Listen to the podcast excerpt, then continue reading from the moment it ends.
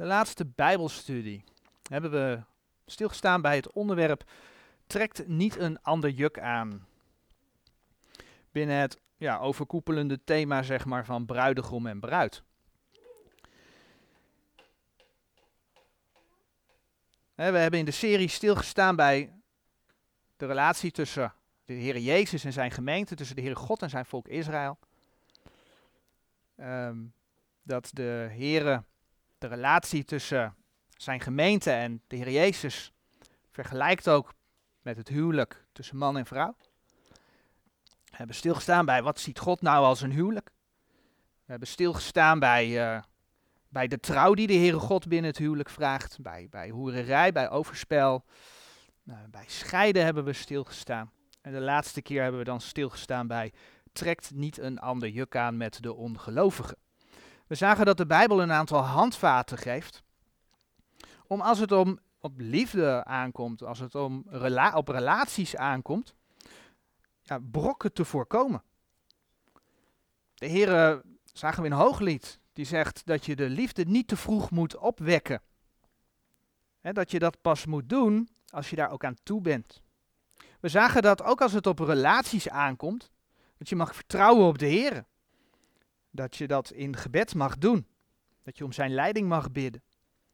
En daarnaast zagen we, en daar hebben we eigenlijk het grootste deel bij stilgestaan, dat de Heer in 2 Korinthe 6 zegt dat je niet een ander juk moet aantrekken met de ongelovigen. En de Heer zegt in dat gedeelte ook dat we ons moeten afscheiden van de wereld. En dat geldt natuurlijk in heel veel situaties. Het heeft niet alleen betrekking op, op, op relaties, op het aangaan van een huwelijk. Het heeft op heel, op heel veel dingen betrekking. Maar zeker ook als het gaat om het zoeken naar een levenspartner. We zagen onder andere de vergelijking met een juk. Een juk dat twee lastdieren met elkaar verbindt. Een juk dat hen in dezelfde richting laat lopen, waardoor ze samen ook veel aankunnen. Als er één stilstaat, dan staat de ander ook stil. En dat zien we dus binnen huwelijken gebeuren, zeker als dus een gelovige en een ongelovige huwen. En daarom zegt de Heer, trek niet een ander juk aan met de ongelovigen. En zo zagen we, en op deze dia staan ze nog een keer, de grote verschillen tussen de gelovigen en de ongelovigen. En, en door die verschillen zie je ook dat het eigenlijk onmogelijk is dat een gelovige en een ongelovige één worden. Er is zo'n groot verschil. Want, 2 Korinthe 6 vers 14, wat gemeenschap heeft het licht met de duisternis? En daarom zoek iemand in de Here. Iemand die de Here kent.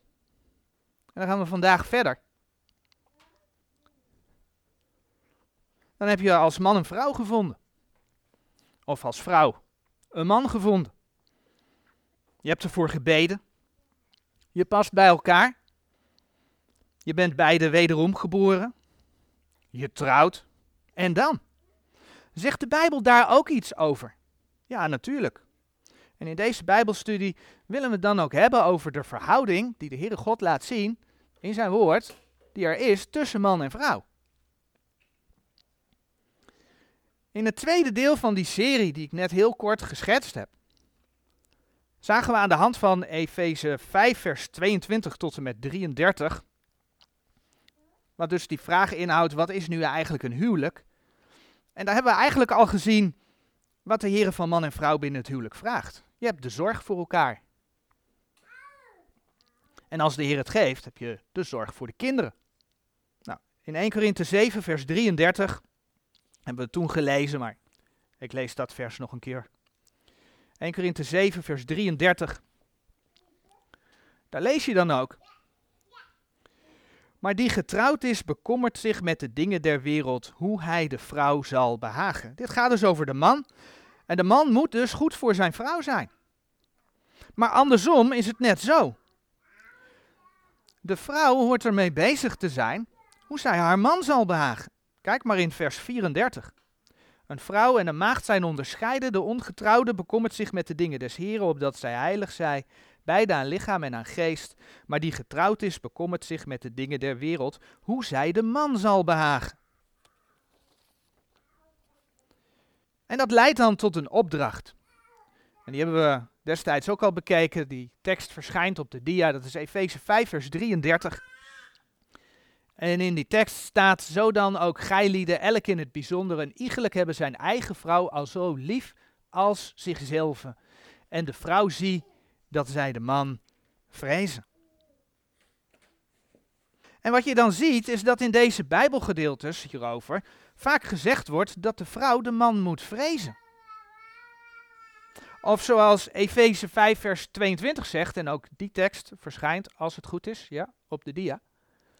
Gij vrouwen, wees uw eigen mannen onderdanig gelijk de heren. En dat is een boodschap die vandaag de dag natuurlijk niet makkelijk ligt. En daar willen we vandaag dan wel bij stilstaan. Want God geeft een bepaalde ordening. Een ordening waar wij ons aan hebben te houden. En als wij houden, ons daaraan houden, dan kan God dat ook zegenen. En anders niet. En laten we dan allereerst daar een schriftgedeelte over lezen. En dat komt uit 1 Korinthe 11, vanaf vers 3. 1 Korinthe 11, vanaf vers 3.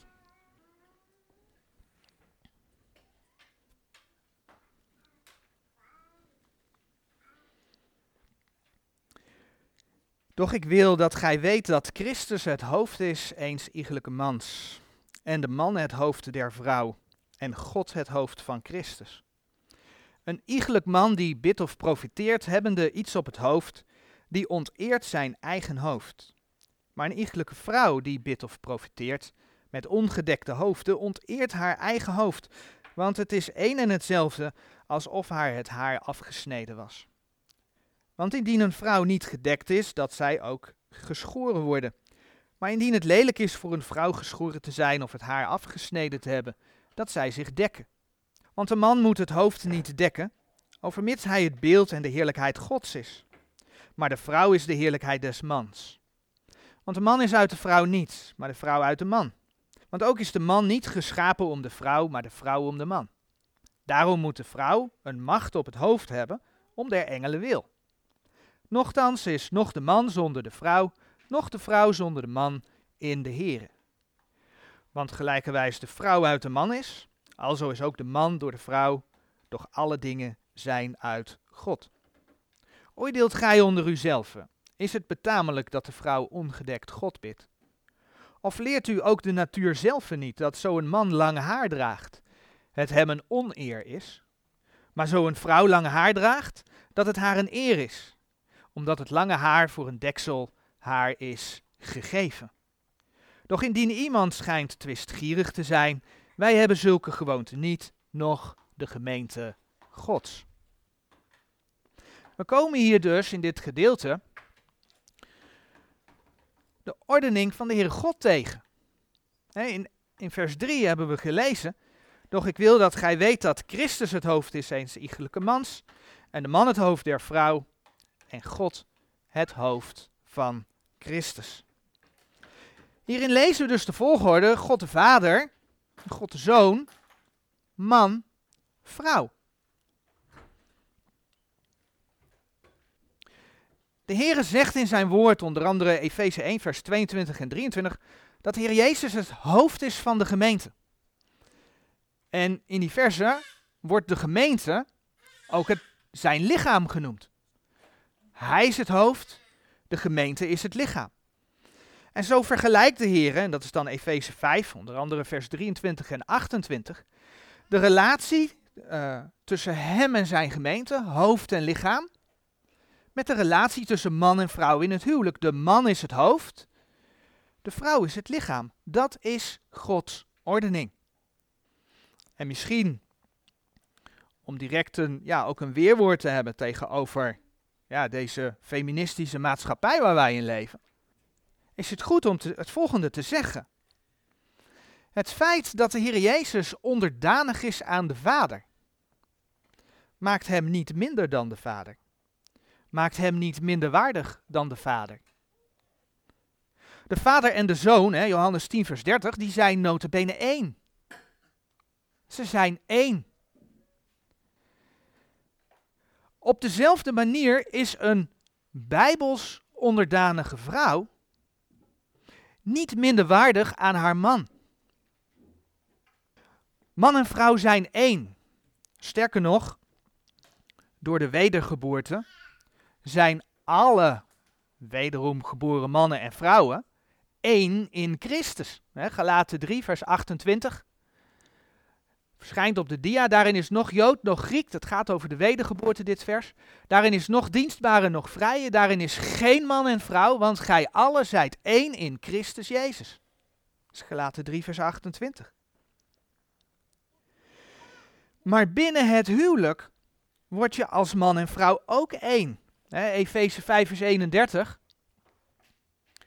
Daarom zal een mens zijn vader en moeder verlaten en zal zijn vrouw aanhangen en zij twee zullen tot één vlees wezen. Dus binnen het huwelijk word je ook één.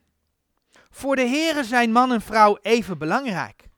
En eigenlijk is dat wat we in 1 Korinthe 11 gelezen hebben.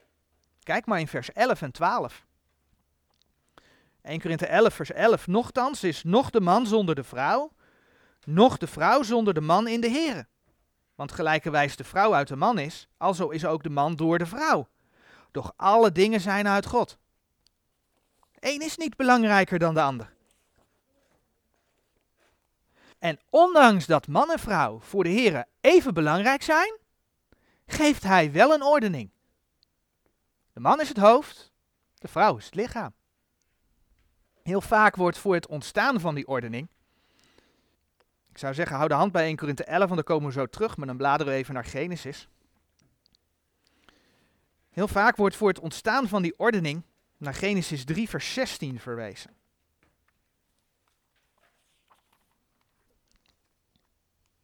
Genesis 3, vers 16.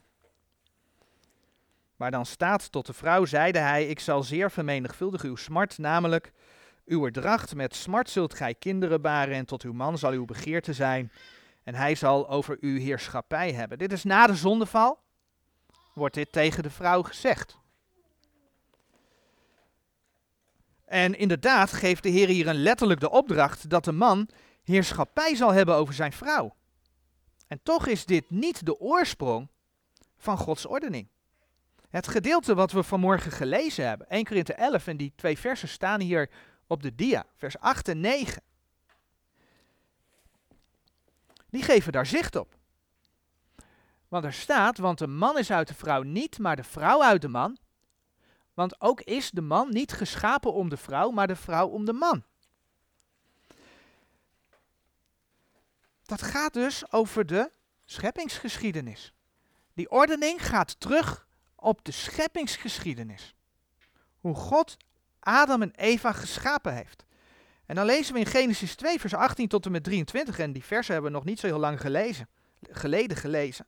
Maar willen we ook vanmorgen toch weer lezen. Genesis 2 vanaf vers 18. Ook had de Heere God gesproken, het is niet goed dat de mens alleen zij. Ik zal hem een hulpen maken die als tegen hem overzij. Maar als de Heere God uit de aarde al het gedierte des velds en al het gevogelte des hemels gemaakt had, zo bracht hij ze tot Adam, om te zien hoe hij ze noemen zou. En zoals Adam alle levende ziel noemen zou, dat zou haar naam zijn. Zo had Adam genoemd de namen van al het vee, en van het gevogelte des hemels, en van al het gedierte des velds. Maar voor de mens vond hij geen hulpen die als tegen hem over waren. Toen deed de Heere God een diepe slaap op Adam vallen, en hij sliep. En hij nam een van zijn ribben en sloot derzelfde plaats toe met vlees. En de Heere God bouwde de ribben die hij van Adam genomen had tot een vrouw. En hij bracht haar tot Adam. Toen zeide Adam, deze is ditmaal been van mijn benen en vlees van mijn vlees. Men zal haar maninne heten, omdat zij uit de man genomen is. Dit schriftgedeelte maakt duidelijk dat de vrouw als hulp voor de man geschapen is. En ja, dat is natuurlijk tegenwoordig niet populair om te zeggen. Maar het is wel zoals de Heer het bedoeld heeft. Het staat geschreven. Het is Gods woord. Het is ook niet oud-testamentisch. Want de brieven aan de gemeente, 1 Korinthe 11, wat we vanmorgen gelezen hebben, die bevestigen dat. Gods ordening is ontstaan bij zijn schepping. En geldt net zo goed vandaag de dag voor ons als gemeente van Jezus Christus. En nou is het mooi om aan de hand van het gedeelte wat we gelezen hebben vanmorgen. 1 Korinthe 11. Te laten zien hoe ook hier bevestigd wordt wat ik laatst met Genesis 1 vers 27 aantoonde. We hebben het er toen over gehad dat God Adam naar het beeld van God schiep en dat later de, de vrouw uit de man genomen was. En ik heb toen laten zien van kijk in Genesis 1 vers 27 daar staat en God schiep de mens naar zijn beeld. Naar het beeld God schiep hij hem. Dat is een M. En daarachteraan komt dan man en vrouw schiep hij hen. God schiep Adam naar zijn beeld. En het mooie is dat 1 Korinthe 11 dat bevestigt. Lees vers 7 maar. Want een man moet het hoofd niet dekken, overmits hij het beeld en de heerlijkheid Gods is. Daar heb je hem. Maar de vrouw is de heerlijkheid des mans. Lees hem nog één keer, want de man moet het hoofd niet dekken, overmits hij het beeld en de heerlijkheid Gods is. Maar de vrouw is de heerlijkheid des mans. Zien we hoe de Bijbel zichzelf bevestigt, zichzelf uitlegt, zichzelf verklaart. Het enige is, de, ja, willen wij dat ook waar hebben? De man is dus het hoofd van binnen het huwelijk. Hij hoort te besturen. Nou was er ooit een zuster en die zei tegen mij, of eigenlijk was het in een groep waar ik ook bij zat, maar als de nek niet draait, dan beweegt het hoofd ook niet. En dat is een hele populaire, een hele bekende, want als je op, uh, op internet gaat googlen, dan kom je allerlei varianten tegen op tegeltjes die je kunt kopen. Deze is van, deze is van bol.com en het is er een variant op hoor, maar ik zal hem voorlezen.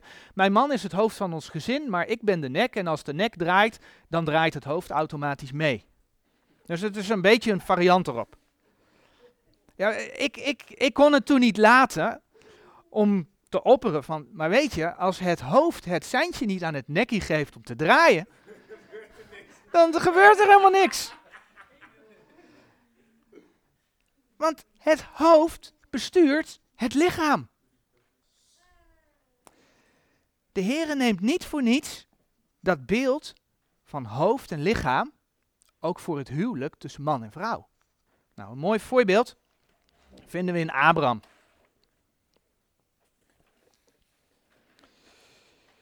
Of beter gezegd, in hetgeen de Heere over Abraham zegt, en dan bladeren we naar Genesis 18. Genesis 18. En dat is op het moment dat de Heer van plan is om Sodom en Gomorra te verwoesten. En dat hij zichzelf voorneemt om Abraham daarover in te lichten. En dan zegt de Heer in vers 17. En de Heer zeide, zal ik voor Abraham verbergen wat ik doe? Terwijl Abraham gewisselijk tot een groot en machtig volk worden zal, en alle volken der aarde in hem gezegend zullen worden. Want ik heb hem gekend, opdat hij zijn kinderen en zijn huis na hem zou bevelen. En zij de weg des Heren houden om te doen, gerechtigheid en gericht, opdat de Heere over Abraham brengen hetgeen hij over hem gesproken heeft. Hoe mooi lezen we hier wat de bedoeling is. De Heere spreekt niet Sarah aan, de Heere spreekt Abraham aan. En wat zegt de Heer over Abraham? Hij hoort zijn kinderen en zijn huis naar hem te bevelen. En te bevelen waarin? Opdat zij de weg des Heren houden. Bladeren we naar Genesis 35. In Genesis 35 zien we hoe Jacob de leiding neemt over zijn gezin.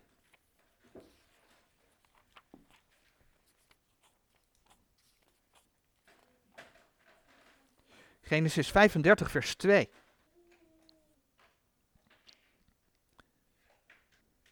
Toen zeide Jacob tot zijn huisgezin en tot alle die bij hem waren: Doet weg de vreemde goden die in het midden van u zijn, en reinigt u en verandert uw klederen. Het gaat nog even verder, maar even tot zover. Nu hebben de mannen in het Oude Testament ook fouten gemaakt. Ik bedoel, die worden uitgebreid beschreven. Dat weten we allemaal. Jacob heeft bijvoorbeeld zijn vader bedrogen. Dat neemt niet weg dat hij hier handelt volgens Gods wil. Dat blijkt ook uit alles wat de Heere God daarover zegt.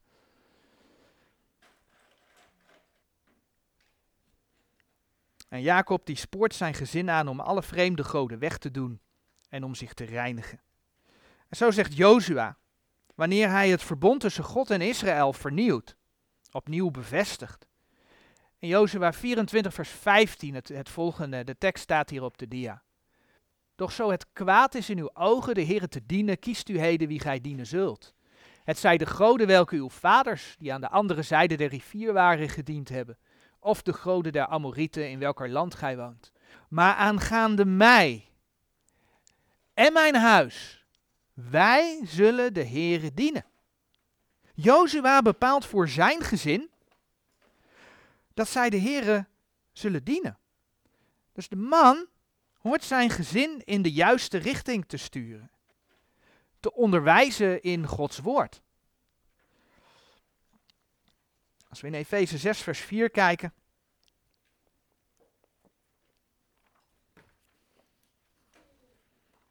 Want de Heer trekt die lijn gewoon door naar de gemeente.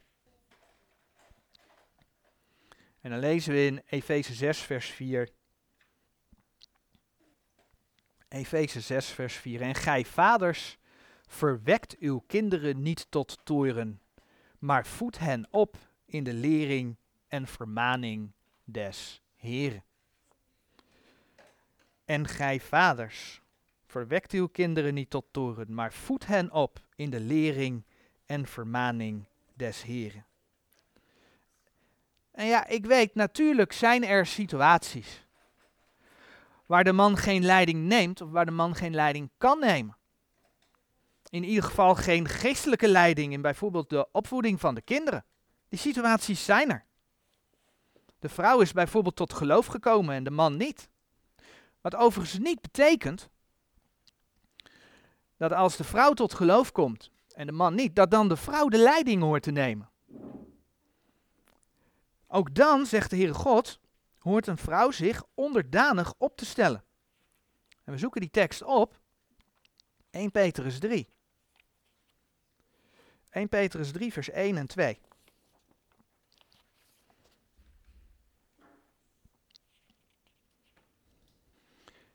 En in die verse lezen we, desgelijks gij vrouwen zijt uw eigen mannen onderdanig, opdat ook zo enige het woord ongehoorzaam zijn, zij door de wandel der vrouwen zonder woord mogen gewonnen worden.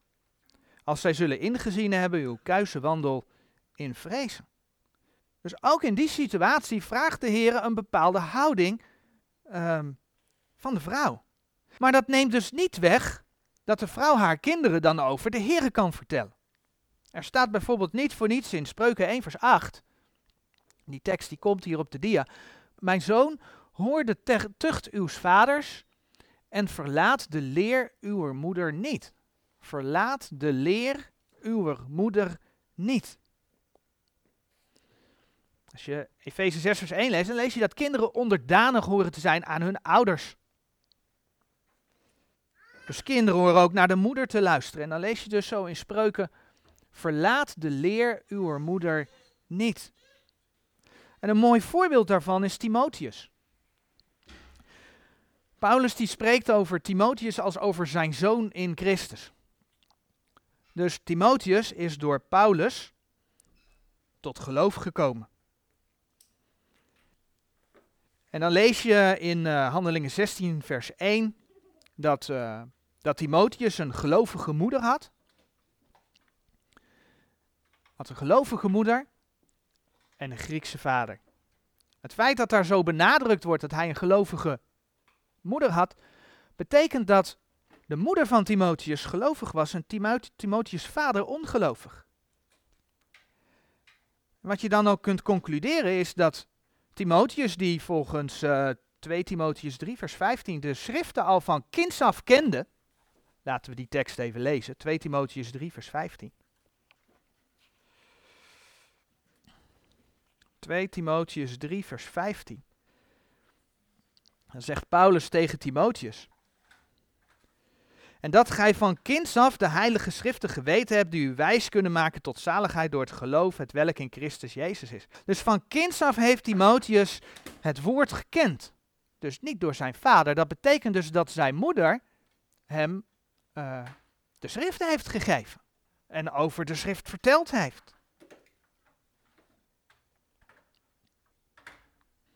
In 2 Timotheus 1 vers 5 lees je ook dat, uh, dat zij een gelovige vrouw was. Zo zijn er situaties waar er geen man meer is. De vader is overleden. Natuurlijk zal de moeder dan de kinderen vertellen over de Heer Jezus, vertellen over Gods woord. Voorgaan in het geloof. De Heer weet van die situaties. Maar waar het om gaat, is dat het Gods bedoeling binnen het huwelijk is. Daar waar man en vrouw één zijn, dat de man in principe leiding geeft aan zijn gezin. En dus ook aan zijn vrouw. Dat blijkt ook bijvoorbeeld als je de gedeeltes leest waar de Heer zegt dat hij niet wil dat de vrouw in de gemeente spreekt. Daar lees je, ik wil niet dat de vrouw leren, maar dat zij thuis haar man vragen. Dus de man hoort zijn gezin leiding te geven, te leren. En die gedeeltes waar ik het dan over heb, dat is 1 Timotheus 2 vers 12 en 1 Korinthe 14 vers 34 en 35. Dus man en vader, neem je de leiding in je huwelijk, in je gezin. Voed je ze op in de lering en de vermaning des Heren. Zoals Efeze 6 vers 4 zegt. Bid je voor je gezin. Zoals bijvoorbeeld Job bad voor zijn kinderen om vergeving te vragen voor het geval zij zonde gedaan zouden hebben. Job 1 vers 5. Zoeken we één kroniek op. Zoals David bad voor zijn zoon, Salomo, die koning werd. 1 Kronieken 29. 1 Kronieken 29 en dan vers 19. 1 Kronieken 29, vers 19. En geef mijn zoon Salomo een volkomen hart om te houden uw geboden, uw getuigenissen en uw inzettingen. En om alles te doen en om dit paleis te bouwen, het welk ik bereid heb. Dat is wat David bidt voor zijn zoon. Of zoals Manoach in Richteren 13, vers 8, de vader van Simson, al voor zijn zoon bad voordat hij nog geboren was om te vragen hoe zij hem opvoeden moesten. Zorg je als man en vader voor je vrouw, voor je gezin. Gaan we naar 1 Timotheus 5.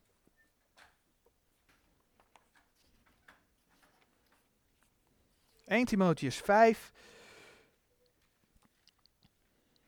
vers 8.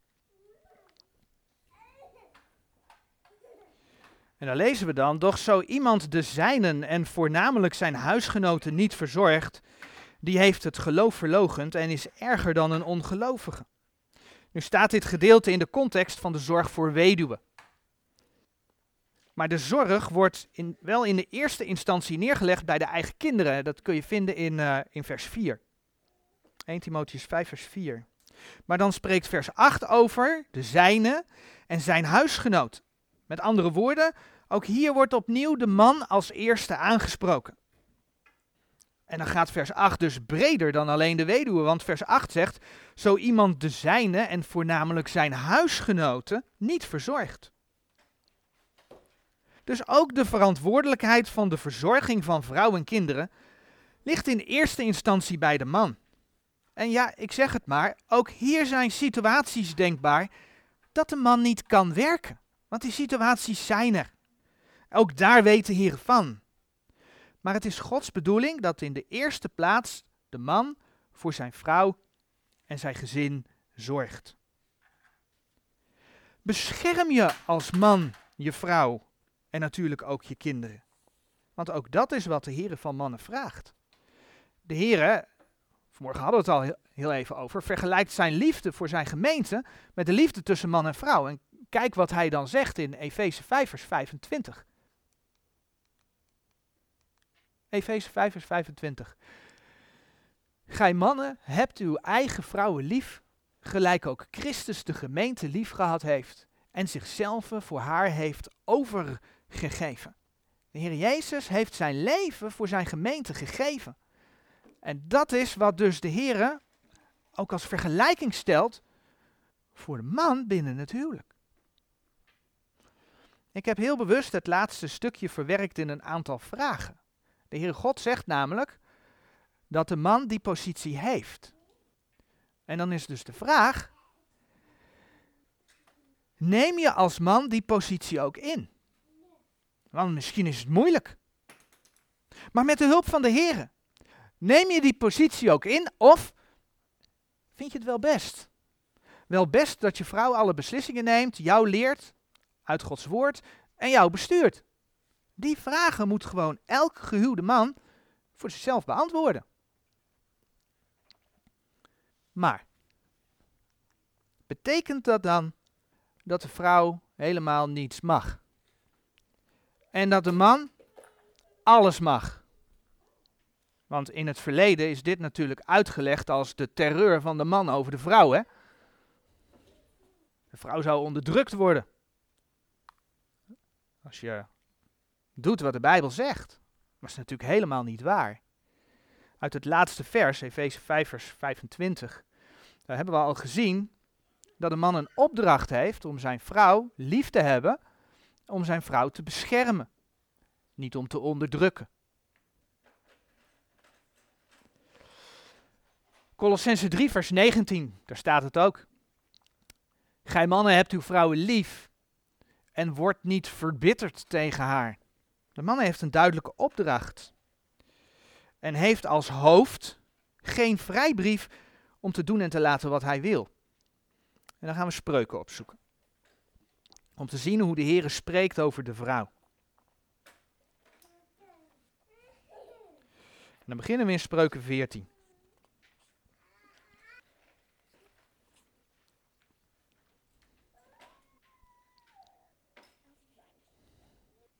In Spreuken 14, vers 1, daar lezen we: Elke wijze vrouw bouwt haar huis, maar die zeer dwaas is, breekt het af met haar handen. Nog een keertje het eerste deel. Elke wijze vrouw bouwt haar huis. Een vrouw bouwt dus aan haar huis. Zij werkt gewoon samen met haar man om haar huis te bouwen. En dan gaan we naar Spreuken 31. En dan zien we van vers, vanaf, vers 1, vanaf vers 10, sorry, Spreuken 31, vanaf vers 10, zien we zoals het er hier dan boven staat, de lof der deugdelijke huisvrouw. Een lofzang op een deugdelijke huisvrouw, op een, op een goede vrouw. En dan lezen we allereerst vers 10. Wie zal een deugdelijke huisvrouw vinden, want haar waardij is ver boven de robijnen. Ik lees vers 11 er nog even bij. Het hart haars heren vertrouwt op haar, zodat hem geen goed zal ontbreken. Dat is de spreuken 31 vers 10 en 11. De vrouw is goed voor haar man, er is vertrouwen. En dan staat hier dus dat zij hem meer waard is dan de duurste robijnen. En dat is dus in ieder geval wat de Heer laat zien, zoals het zou moeten zijn. Maar neem je als vrouw die rol dus ook serieus. En dan komt hij, wat eigenlijk de hele lijn is, ook voor de man, maar dus ook voor de vrouw. Of vind je jezelf belangrijker? Nou, en let op wat die vrouw allemaal doet, hè. Er wordt nog wel eens gekscherend over uh, aanrechtssubsidie in Nederland gesproken en zo, weet je wel, als, als het over huisvrouwen gaat. Moet je kijken wat ze allemaal doet. Spreuken 31 vers 13 tot en met 15. Zij zoekt wol en vlas en werkt met lust haar handen. Zij is als de schepen eens koopmans, zij doet haar brood van verre komen. En zij staat op als het nog nacht is en geeft haar huis spijzen. En haar dienstmaagden het hun bescheiden deel. Ze is niet alleen maar in huis bezig, maar ze doet er alles aan om haar huis te eten te geven. En dan kijk je in, ehm, in vers 16. Ze onderhoudt een akker. Ze plant een wijngaard. En kijk wat er in vers 18 staat. Zij smaakt dat haar koophandel goed is. Haar lamp gaat des nachts niet uit. Ook de vrouw kan blijkbaar handelen. Zoals ook blijkt uit, uh, uit vers 24. En dan komt hij, hè. Mag de vrouw nooit iets zeggen? Moet de vrouw altijd haar mond dicht houden? Nee hoor, dat zegt de Bijbel helemaal niet. De Bijbel zegt wel, ik wil niet dat de vrouw leert in de gemeente, dat zij thuis haar man vraagt. Klopt. Maar de vrouw mag ook dingen zeggen. Moet je kijken wat er in vers 26 staat. Zij doet haar mond open met wijsheid en op haar tong is leer der goeddadigheid. Ook de vrouw mag dingen zeggen, ook de vrouw mag dingen leren. Zeker als het de kinderen aangaat. Nou, dat dit zo is, blijkt bijvoorbeeld ook uit een gedeelte. Als Titus, Titus 2, vers 3 tot en met 5. Komen zo nog terug bij spreuken. Titus 2.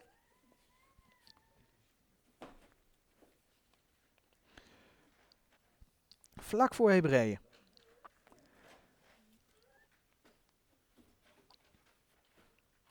Titus 2 en dan vanaf vers 3.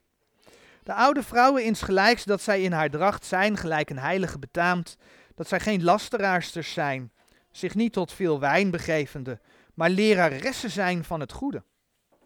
Leraressen zijn van het goede. Opdat zij de jonge vrouwen leren voorzichtig te zijn, haar mannen lief te hebben, haar kinderen lief te hebben, matig te zijn, kuis te zijn, het huis te bewaren, goed te zijn, haar eigen mannen onderdanig te zijn, opdat het woord Gods niet gelasterd worden. De vrouw die zich aan Gods woord houdt, heeft de opdracht om dat door te geven. Zij mag daarin leren. En nee, niet zoals ik net zei, het is niet de bedoeling dat de vrouw gaat leren in de gemeente. Maar zij kan haar kinderen leren. Ze kan een groep kinderen leren. Ze kan een groep vrouwen leren. Hebben het net gelezen. En ook de vrouw mag best met anderen over haar geloof spreken. Je kunt dat vinden in Handelingen 18, vers 26, waar uh, Priscilla en Aquila Apollos het evangelie nader uitleggen. De Bijbel laat zien dat ze dat blijkbaar samen doen. En dan zien we dus hoe die vrouw in Spreuken 31 bouwt aan haar huis. Bouwt aan haar huis in, in, in de zin van haar gezin, waar ze voor zorgt maar ook aan haar huis waar ze in woont. Kijk maar in vers 21. En dan kun je in 1 Timotheus 5 vers 14 nog lezen dat vrouwen hun huis regeren. En nogmaals die opmerking, soms lopen dingen in het leven anders. En kun je er niet aan voldoen. Moet je als vrouw kostwinner zijn, omdat je man niet kan werken, of omdat er andere redenen zijn. De Heer kent ook die situaties. En als je dat bidden doet, zal Hij je ook daarin leiden. Maar het gaat nu niet om de uitzonderingen. Het gaat erom hoe de Heer het huwelijk ziet. En hebben we dan in Spreuken 31 gezien wat die vrouw allemaal doet. En voor alles wat die goede vrouw, die goede huisvrouw doet, daar krijgt ze dan ook de eer van. Kijk maar in Spreuken 31 vanaf vers 28. Haar kinderen staan op en roemen haar wel gelukzalig. Ook haar man. En hij prijst haar, zeggende: Vele dochters hebben deugdelijk gehandeld, maar gij gaat die alle te boven. De bevalligheid is bedrog en de schoonheid ijdelheid. Maar een vrouw die de Heere vreest, die zal geprezen worden. Geeft haar van de vrucht harer handen en laat haar werken haar prijzen in de poorten. Eigenlijk zien we in dit alles dat man en vrouw samen aan hun huwelijk, aan hun gezin, aan hun huis werken. En denk dan eens terug aan het voorbeeld waar ik het de vorige keer over heb gehad, wat ik vanmorgen kort heb aangehaald van dat juk. Naar aanleiding van 2 Korinthe 6 vers 14 was dat. Het juk zorgt ervoor dat je samen dezelfde kant op gaat. Dat je samen de last kunt dragen en trekken. En daarom zagen we dat je geen ongelovige partner moet zoeken. Want die wil de andere kant op of die wil stilstaan. Maar je werkt dus samen. En ieder in zijn rol. Met, zoals de Bijbel laat zien, de man als verantwoordelijke. En wees eerlijk, er moet iemand zijn die de route uitstippelt. Want als dat niet gebeurt en ieder gaat zijn eigen gang, dan gaat het een zootje worden.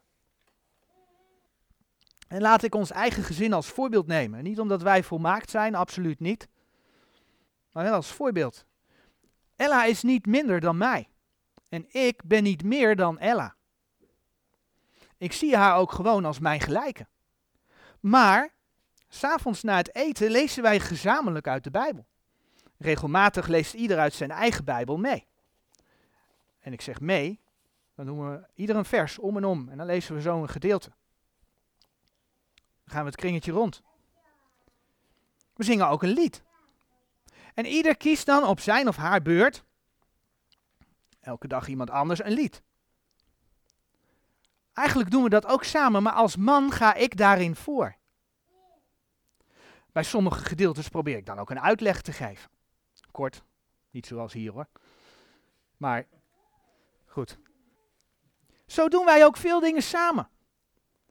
We overleggen ook samen over dingen. We hebben het over de dingen. Ook over Gods woord. We kunnen gewoon samen over praten. Zij mag mij toch helpen om met de woorden van Genesis 2 te spreken. Maar uiteindelijk moet ik als man degene zijn die de beslissing in dingen neemt. En daar ligt het, het punt. Want volgens de Here ligt de verantwoording bij de man. Nu is dit alles niet vanzelfsprekend. Zeker niet in de wereld die God niet kent. Maar ook als christenen hebben we te maken met ons vlees. Gelaten 5 vers 17. En dat vlees dat wil nog wel eens tegen, tegen de geest van God ingaan. Maar waarom zou de man de opdracht in Efeze 5 vers 25 krijgen? Een opdracht hè? Om uw eigen vrouwen lief te hebben. Waarom zou dat een opdracht zijn? Omdat het er van nature al in zit? Hm, waarschijnlijk niet hè. Wij krijgen die opdracht omdat het er van nature niet in zit, in zit en de man eigenlijk een liefhebber van zichzelf is. En denk dan even wat, wat de Heer ook over de eindtijd zegt. In, in 2 Timotheus, ja, 2 Timotheus 3 vers 2. Dat mensen zullen zijn liefhebbers van zichzelf. Dat past daar ook heel mooi bij. Als mensen uit hun vlees gaan, dan worden ze liefhebbers van zichzelf. En dus krijgt de man de opdracht om uw eigen vrouwen lief te hebben.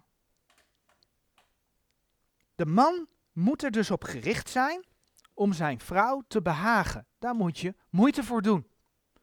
Daar moet je aan werken.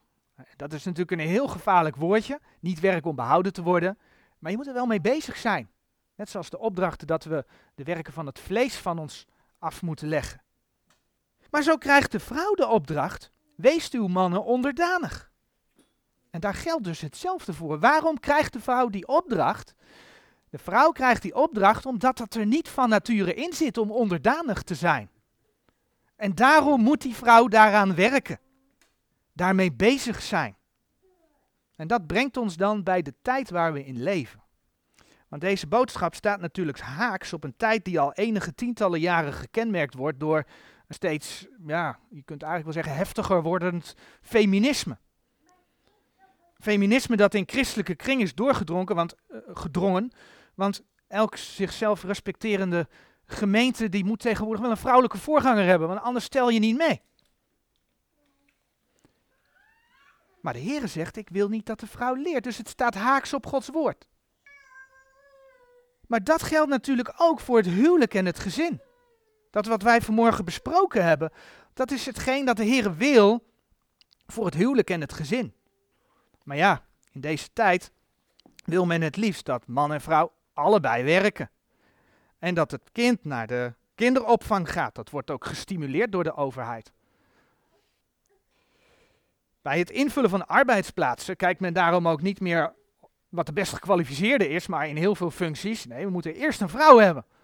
Ja, want we moeten aan een bepaald percentage voldoen, want dat heeft de overheid voor ons bepaald. Dus vrouwen krijgen vaak voorrang. En ja, dat woord huisvrouw. Dat is toch al heel wat jaren eigenlijk een vies woord, hè? Terwijl dan moet je lezen wat Spreuken 31 daarover zegt. De Heere besteedt daar een lofzang aan. En wij mensen vinden dat in deze tijd een vies woord. Dat je eigenlijk de deugdelijke huisvrouw vervangt voor, door de goede vrouw. Hoeveel mannen laten het erbij zitten om, uh, om hun gezin voor te gaan in de dingen van de Heer? Ja, we komen zondag toch in de kerk, hè, als dat tenminste nog gebeurt. Van vakantie vieren hoor je ook steeds vaker dat man en vrouw dat gescheiden doen. Ieder zijn eigen leven.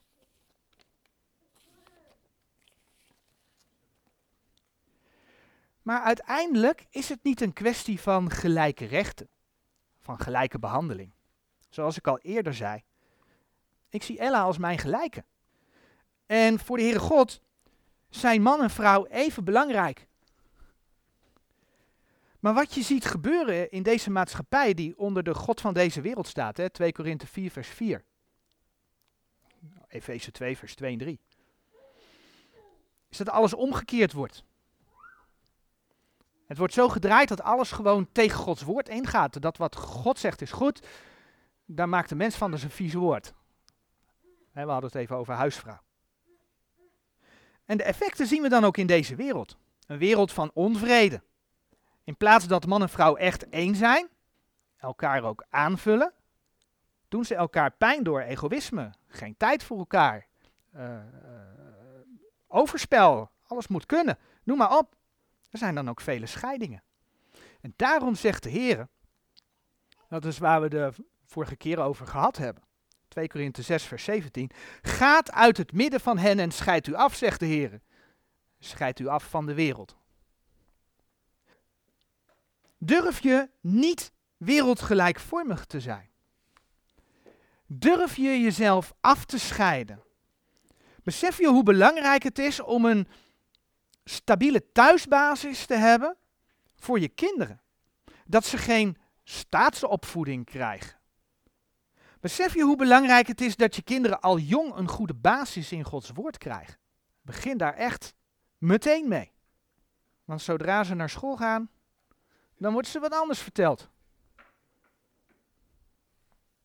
En als je je dan aan Gods woord houdt, dan zit daar een belofte van de Heer aan vast. Romeinen 12, vers 2. Een belofte van de Heer. Romeinen 12, vers 2. En wordt deze wereld niet gelijkvormig, maar wordt veranderd door de vernieuwing uws gemoeds, opdat gij moogt beproeven welke de goede en welbehagende en volmaakte wil van God is. Als je je aan Gods woord houdt, dan zal de Heer je niet alleen zijn goede, welbehagende en volmaakte wil duidelijk maken, hè, dat je dat gaat verstaan, maar in dat woordje beproeven, daar zit ook proeven in. Je gaat het smaken. Je gaat ervaren wat Gods volmaakte wil voor jou is omdat Hij dan ook jouw leven leidt. In het gedeelte wat we vanmorgen gelezen hebben, hebben we ook iets gelezen over haardracht. En ook dat koppelt de Heer dus aan erkenning van de Bijbelse ordening. Van gezag. In, in de perspectieven zoals de Heer die geeft. En ook daarin hebben we een keuze om wel of niet wereldgelijkvormig te zijn. En zo kunnen we ook Gods woord laten spreken over hoe we eruit zien, hoe we ons presenteren. Maar daar willen we dan, ook in het kader van de, wereldgelijkvormigheid, en scheid u af, een volgende keer mee verder gaan. Tot zover.